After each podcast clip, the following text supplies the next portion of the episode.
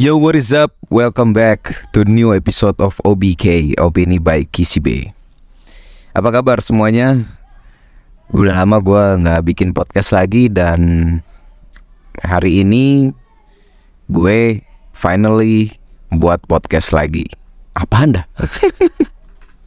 ya setelah sekian lama gue uh, begitu banyak kesibukan ya, jadinya gue nggak sempet tuh untuk bikin podcast dan ini gue lagi sempet-sempetnya bikin podcast jadi gue akan coba mencurahkan hati gue. Asik.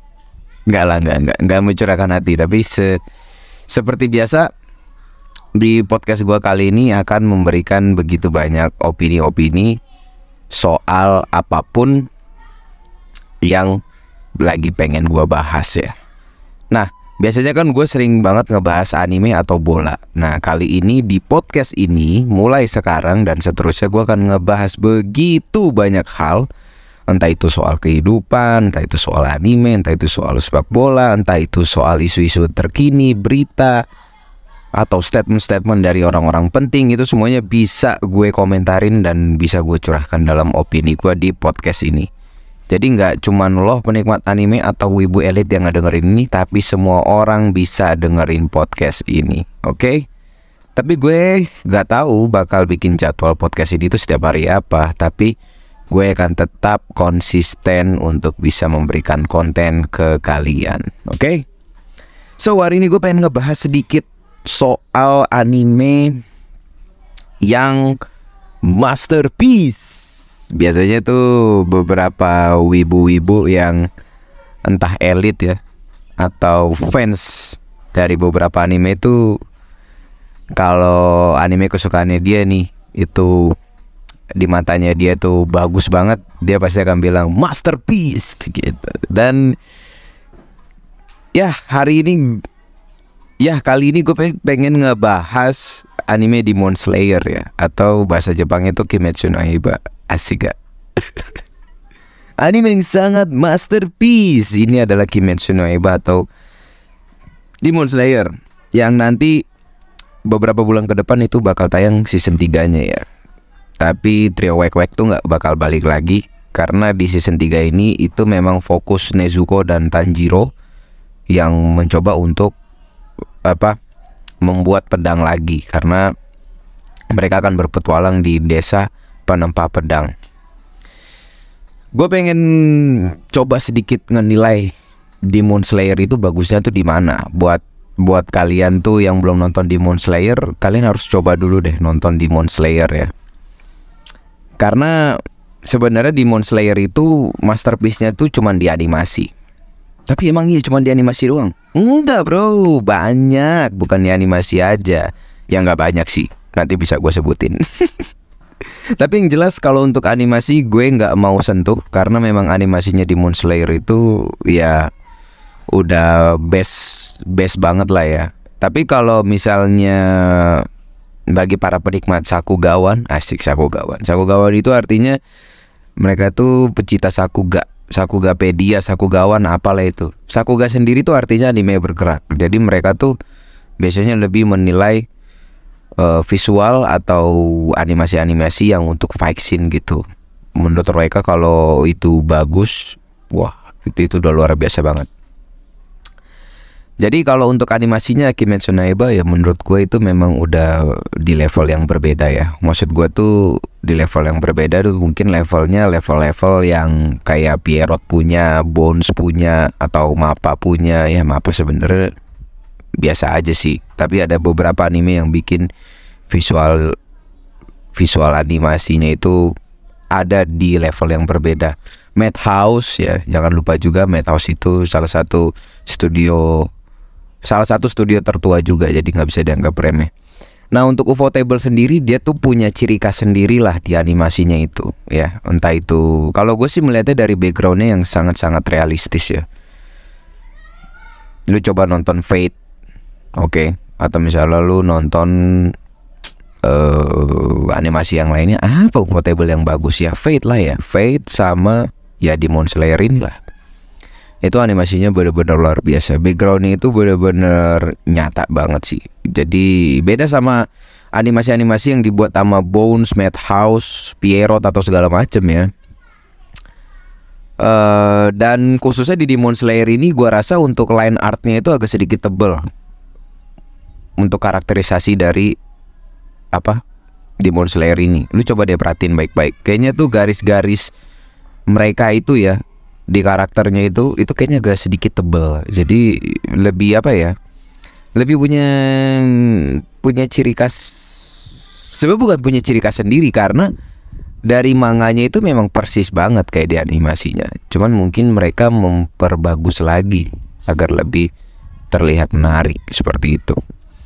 Jadi kalau untuk soal animasi gue udah nggak bisa nyentuh lagi Kimetsu no Yaiba itu udah wah keren lah pokoknya. Dari season pertama yang gue tonton tuh apalagi fight scene-nya antara Tanjiro dengan Rui itu itu luar biasa banget menurut gue.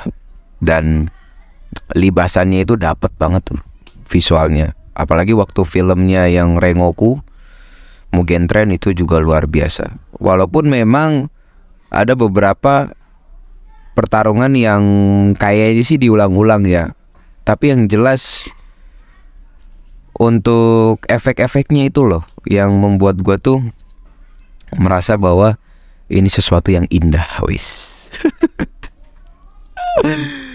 Gitu. Nah uh, Oh ya jangan lupa juga di season 2 juga luar biasa itu. Bener-bener gue gak bohong.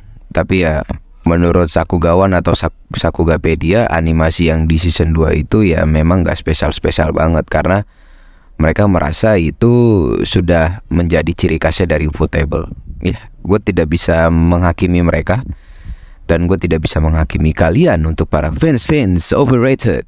Jadi ya, menurut kalian bagus, menurut gue luar biasa. Jadi ya, beda beda pendapat beda selera but by the way selain animasi ternyata banyak hal yang bisa bikin lu tuh harus nonton Kimetsu no Yaiba ya nah salah satunya adalah emotional attachment.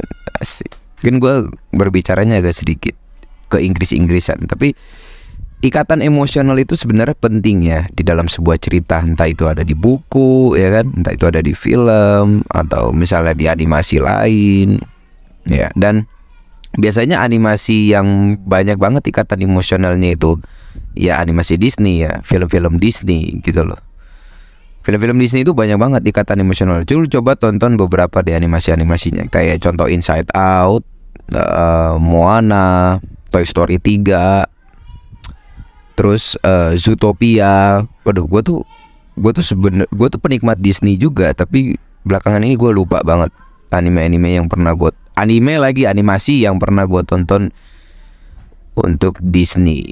Oh yang Encanto. Encanto juga tuh keren banget. Jadi ikatan emosional itu penting apalagi di anime itu ikatan emosional itu bisa lo dapet kalau lu nonton anime rom itu anime romance. Ya sebenarnya itu karena lu jomblo aja makanya lu dapet ikatan emosionalnya karena itu related sama hidup lo. Jadi itu dapet. Nah di Demon Slayer ini ikatan emosionalnya dapet bro. Ya. Jadi kalau lu yang udah pernah nonton ya ini udah yang pernah nonton lu coba tonton beberapa scene lah di Kimetsu no Yaiba di season 1 lu bisa dapet ikatan emosional itu ketika Tanjiro vaksin melawan Rui. Itu lo bisa dapat. Dari musiknya, dari kekuatan suara seiyunya itu membuktikan bahwa karakter ini benar-benar penuh semangat yang berapi-api untuk bisa mengalahkan musuhnya. Oke. Okay?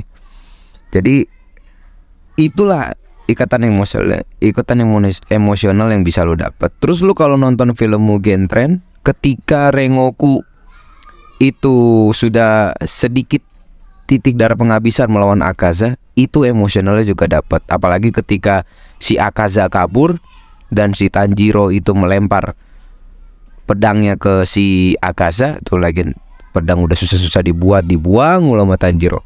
Ya. Ketika pedang itu dilempar dan si Tanjiro bilang lu pengecut gitu. Ketika matahari udah terbit lo malah kabur. Sini lawan sampai sampai bener-bener selesai gitu gitu kan. Nah di situ ketika Tanjiro teriak-teriak Rengoku tuh apa ekspresinya tuh beda. Karena kan dia udah bolong gitu ya udah donat. Nah setelah itu baru si Tanjiro tuh kayak menyesal gitulah. Dia nggak bisa ngebantu lebih banyak kalau misalnya dia ngebantu lebih banyak mungkin Rengoku tidak akan bisa seperti donat yang lezat itu ya.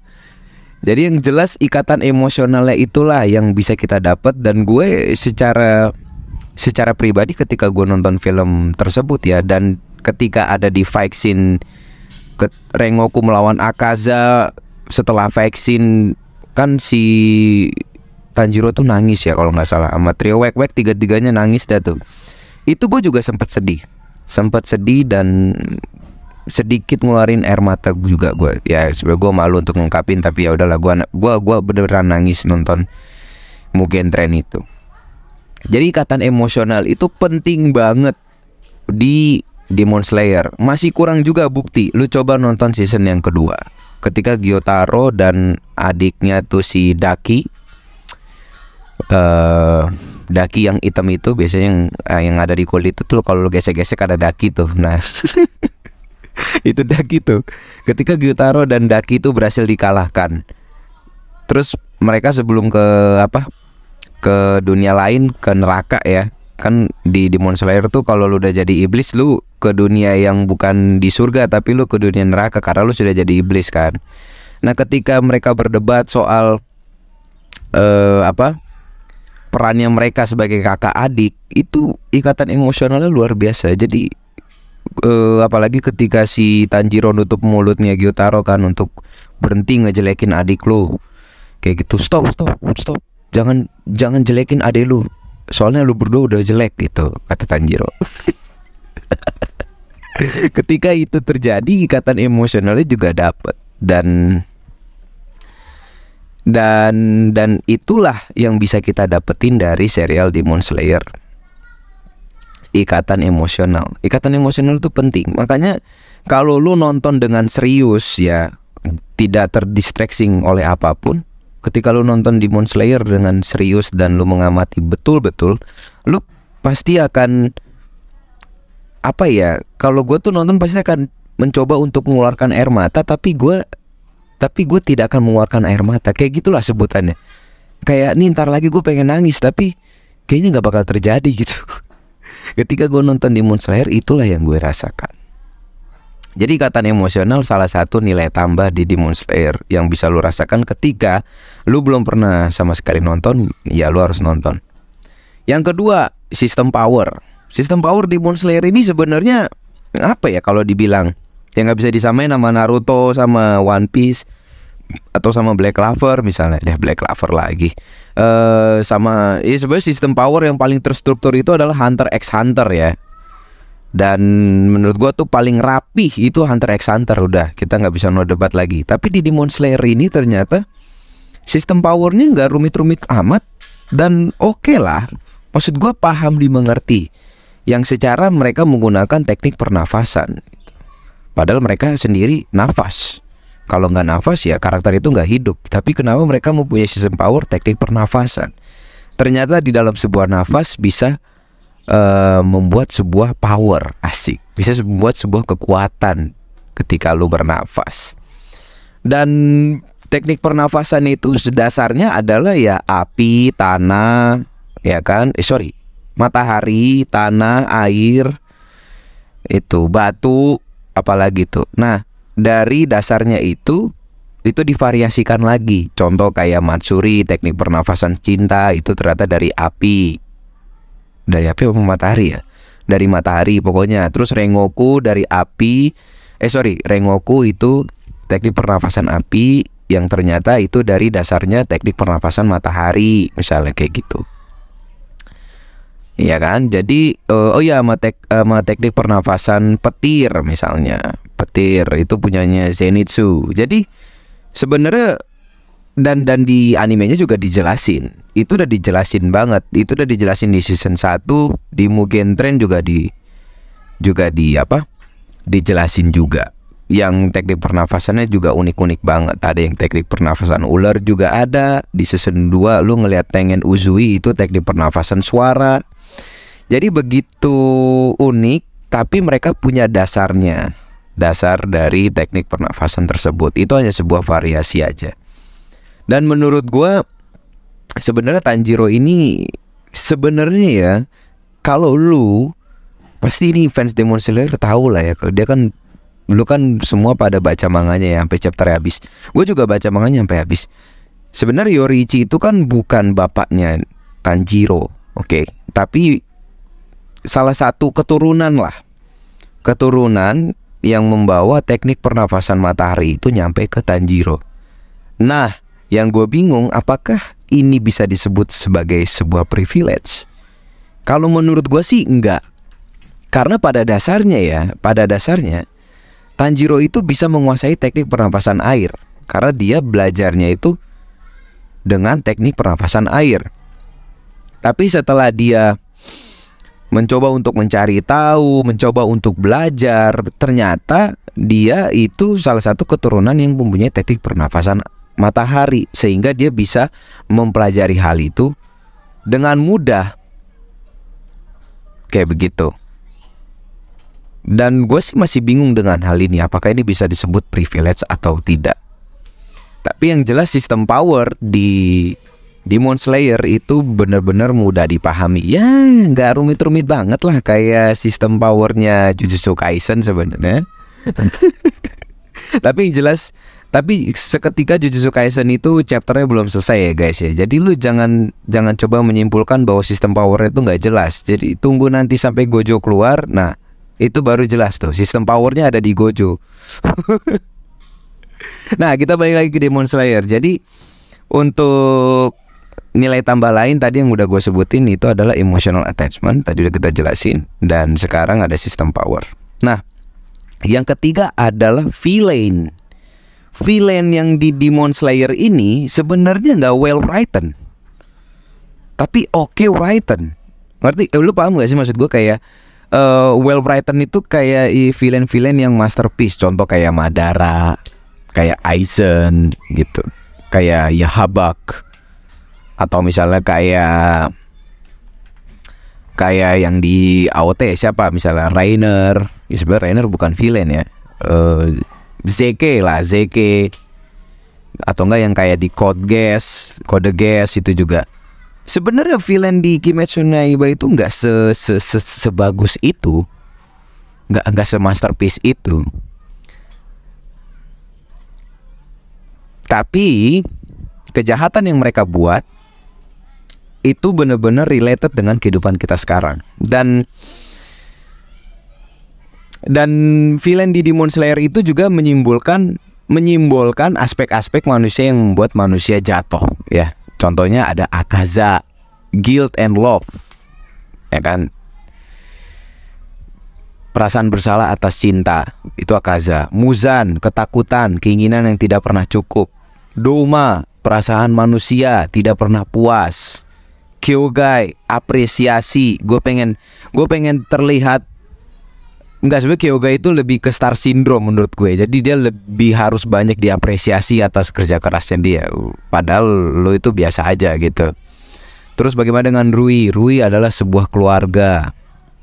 Ketika dia tuh sangat ingin banget mempunyai keluarga yang pada akhirnya semua keluarganya mati semua kan Terus bagaimana dengan daki, anak yang bertumbuh di keluarga atau lingkungan yang salah atau daki itu? Gyotaro, lingkungan yang salah juga, pandangan yang menyimpang tentang keadilan. Kakushibo, tujuan pribadi yang mengalahkan moralitas diri sendiri, memberi jari tengah kepada para shonen MC tipikal. Buset.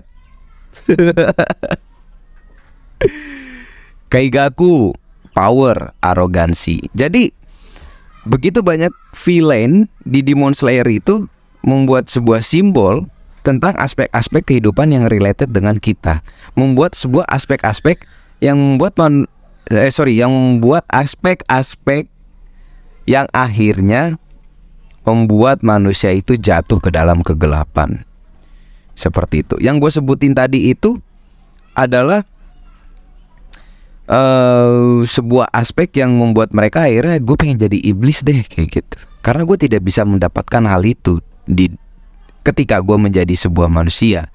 So, ketika gue menjadi sebuah manusia ketika gue masih menjadi manusia gue tidak mendapatkan hal itu. Jadi ya menurut gue villain-villain di di apa? Di Demon Slayer juga dikatakan bengis banget ya semuanya tuh bengis dan dan lu kalau bisa lihat perbedaannya ya iblis di Demon Slayer itu benar-benar dia itu penggambaran karakternya itu berbeda dengan iblis-iblis yang ada di uh, anime-anime lainnya. Contoh kayak di Black Clover itu kan udah kelihatan banget tuh iblis ya kan. Terus uh, di anime mana lagi ya? Kalau di AOT manusia tapi dalam dirinya ada iblis. Nah itu. Kalau di Blue Lock main bola tapi dalam dirinya ada monster kayak gitu.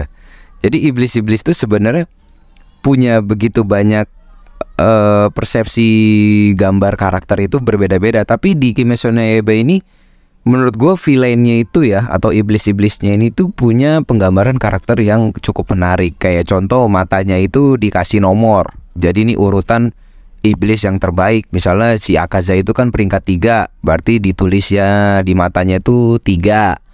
Doma peringkat dua itu aku Sibo peringkat satu misalnya. Nah nanti kalau misalnya di peringkat bawahnya itu udah meninggal misalnya, udah dipenggal kepalanya sama sama pemburu iblis, nanti diganti lagi tuh siapa yang apa iblis yang cocok nih buat gantiin yang nomor segini yang udah hilang dan dan di Demon Slayer Muzan juga bikin kastanya, kasta iblis. Ada iblis bulan atas, ada iblis bulan bawah. Nah, kalau lu lihat di season 1, Rui itu iblis bulan bawah.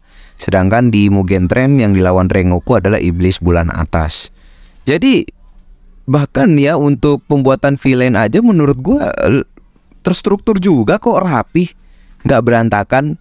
Tapi memang agak sedikit lebih cepat ya karena karena karena lu bisa ngelihat bahwa yang dijelaskan itu iblis bulan bawah itu cuma Rui doang. Kenapa Rui bisa menjadi seperti itu? Perkembangan karakternya itu dapat banget Rui. Sedangkan iblis bulan bawah yang sama kayak Rui itu udah langsung dihabisin sama Muzan. Jebret kayak gitu. Menurut gua itu cepatnya tuh di situ. Sebenarnya lu bisa lebih mengeksplor lagi dari iblis bulan bawah itu yang sebenarnya untuk pengembangan setiap karakternya bisa dibikin satu-satu Ya tapi kan chapternya juga nanti makin banyak kan. Mungkin autornya berpikir ya udah karena nih iblis bulan bawah itu emang lemah karena si Rui itu iblis bulan bawah tuh jadi jadi lemah dianggap Muzan akhirnya mau Muzan dihabisin semua. Jadi kita nggak dapet tuh perkembangan cerita iblis bulan bawah selain Rui. Ya, sebenarnya itu yang gue sesalin tapi setidaknya iblis bulan atas semua karakternya perkembangan karakternya itu jadi lebih dapat. Di setiap arc itu semua pemburu iblis ya Tanjiro sekalipun itu akan menghadapi semua iblis, iblis bulan atas. Yang menurut gue inilah porsi shonen yang di level yang berbeda. Jadi jadi ketika ketika di awal-awal autornya ini membuat pacingnya lebih cepat, tapi dia tetap tapi kita ya sebagai penikmat animasi eh sorry kita sebagai penikmat anime atau penikmat manganya itu masih bisa tetap merasakan alur yang masih dibilang itu bagus lah. Iblis Bulan Atas itu masih punya development karakternya yang luar biasa nanti di arc-arc berikutnya. Kayak begitu. Jadi jadi kalau gue bilang ya karakter antagonis atau villain yang ada di Moon Slayer itu itu benar-benar luar biasa ya. Nggak bagus-bagus banget nggak jelek-jelek banget tapi porsinya cocok untuk penikmat shonen yang bukan garis keras ataupun yang awam. Jadi gua rasa Demon Slayer ini dari emotional attachment, system power, dan villain itu semuanya seimbang. Dan bisa gue katakan ini autornya itu cerdas ya cerdas tapi tidak jenius. Oke, beda. C hanya hanya sedikit cerdas. Bukan jenius. Kalau jenius itu autornya Jujutsu Kaisen, Chainsaw Man, AOT, Code Geass itu baru jenius. Kalau Demon Slayer itu cuma cerdas aja dia. Dan um, jadi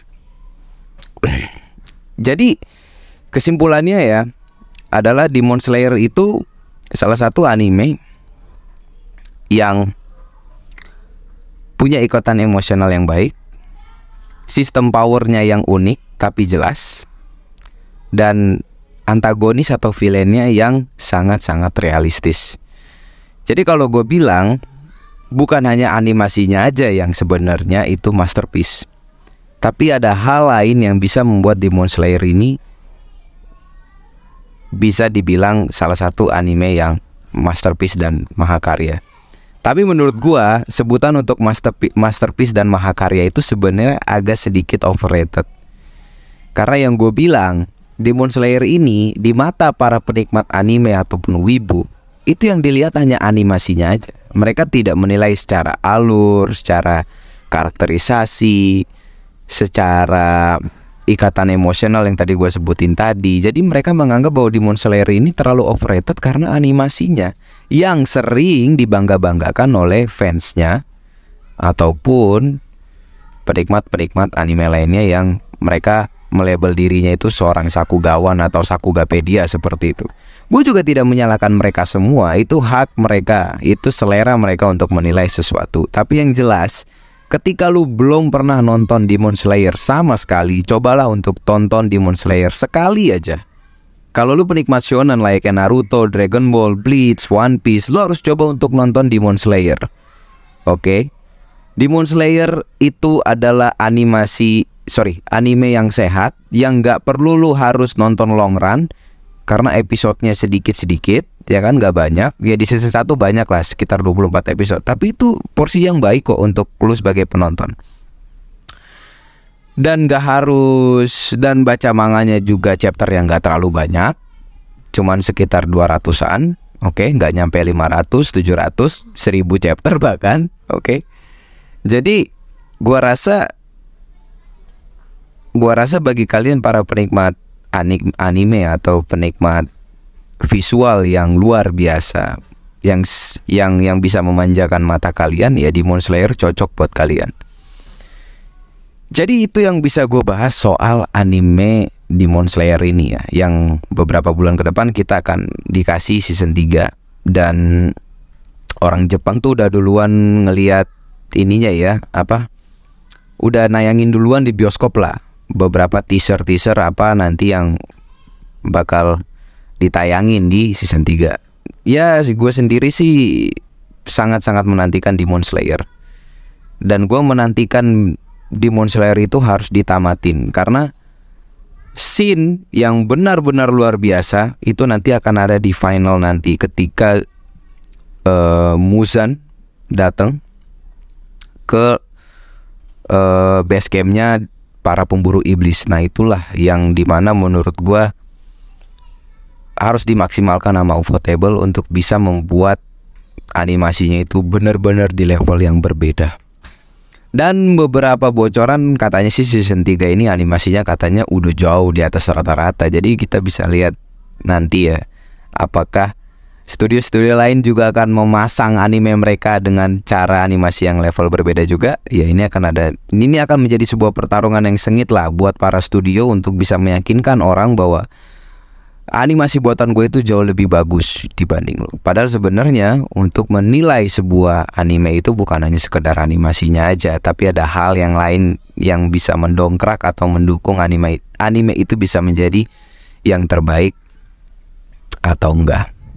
Jadi itu aja yang bisa gue bahas kali ini di podcast op opini by Bay. Ke depannya di next episode gue gue bakal bahas apa lagi ya? Nggak tahu juga. Tapi yang jelas gue akan ngebahas begitu banyak hal yang seumpamanya itu apa ya nggak cuma anime doang tapi bisa soal sepak bola atau apa pun lah yang ada di otak gue ya kan entah itu gue melihat sebuah isu-isu terkini atau melihat sebuah statement yang menjanggal asik melihat apa sebuah kejadian-kejadian yang aneh atau berita-berita yang enggak yang relate sama gue gitu kan.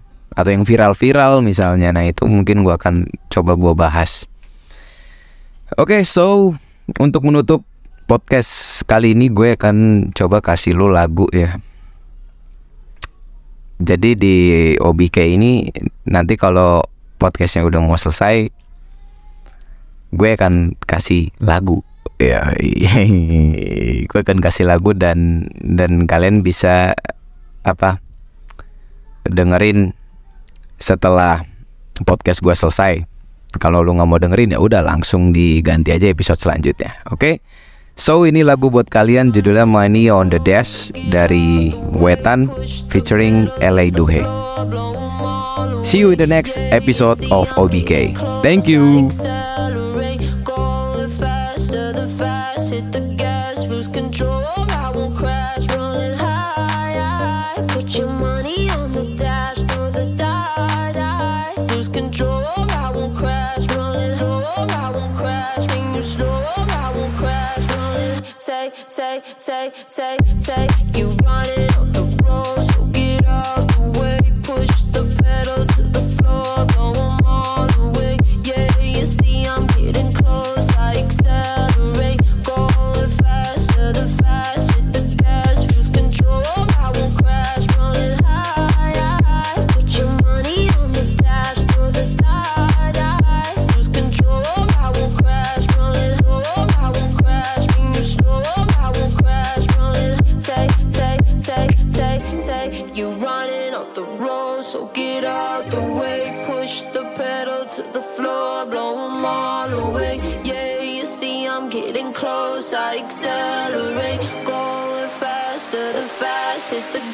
lose control, I will crash, Rolling high. Put your money on the dash, throw the die, dice. Lose control.